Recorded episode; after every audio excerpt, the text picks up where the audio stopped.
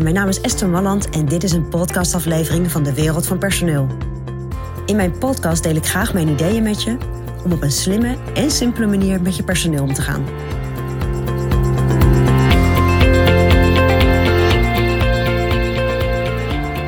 Als leidinggevende vind je het belangrijk om je medewerkers te motiveren. Nu is het zo dat er tijdens het voeren van functioneringsgesprekken wel eens iets misgaat waardoor dat niet helemaal lukt. En dat is niet, uh, niet iets wat uh, af en toe voorkomt, maar dat is iets wat ik heel vaak hoor en ook heel vaak mee heb gemaakt tijdens functioneringsgesprekken. Wat is de situatie? Nou, als leidinggevende, voordat je functioneringsgesprekken gaat voeren met je medewerkers, dan raad je zaken voor, zet je een aantal dingen op een rij, de dingen die je waardeert, de dingen die je verbeterd wil hebben, ook natuurlijk de afspraken die je met elkaar wil maken.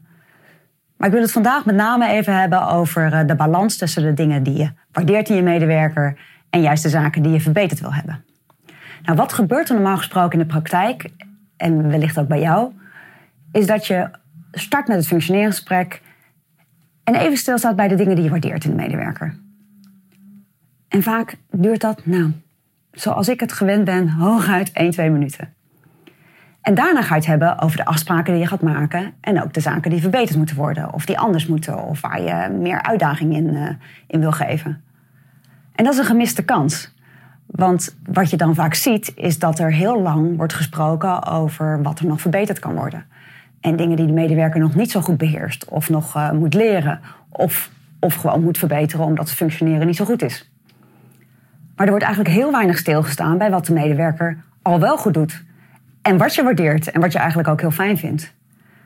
Dus ik zou je willen uitdagen om bij de volgende functioneringsgesprekken langer stil te staan bij wat je waardeert in de medewerker. Dus op het moment dat je dat lijstje hebt voorbereid, bespreek dat dan ook rustig en benoem punt voor punt hetgeen wat je fijn vindt in het gedrag van je medewerker en waarom je dat fijn vindt. Want ook dat is belangrijk. Dus waarom is het zo belangrijk dat die medewerker zich op die manier gedraagt? En waarom waardeer je dat zo? Waarom is dat zo fijn voor jou in je bedrijf en misschien voor in het team? Of misschien voor de klanten?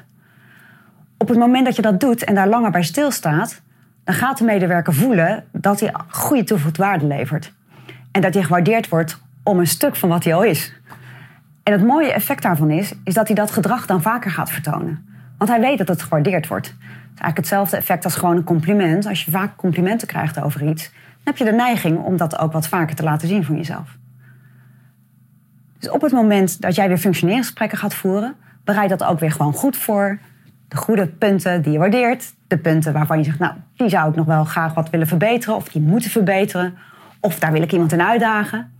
Maar dat zijn allemaal dingen die anders moeten, beter moeten, of uh, nou, die, die, waar iemand nog in moet leren. Maar sta dus echt even goed stil bij hetgeen wat je wel waardeert. En wat je al eigenlijk heel positief vindt.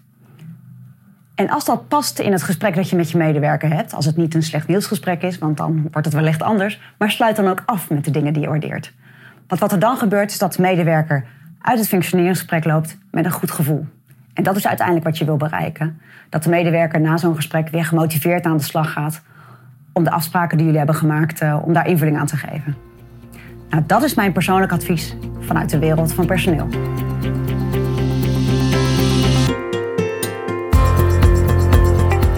Wil je ontwikkelingen in de wereld van personeel blijven volgen? Abonneer je dan op ons podcastkanaal. Ook op onze website vind je allerlei slimme ideeën en adviezen. Dus kijk even rond op www.dewereldvanpersoneel.nl.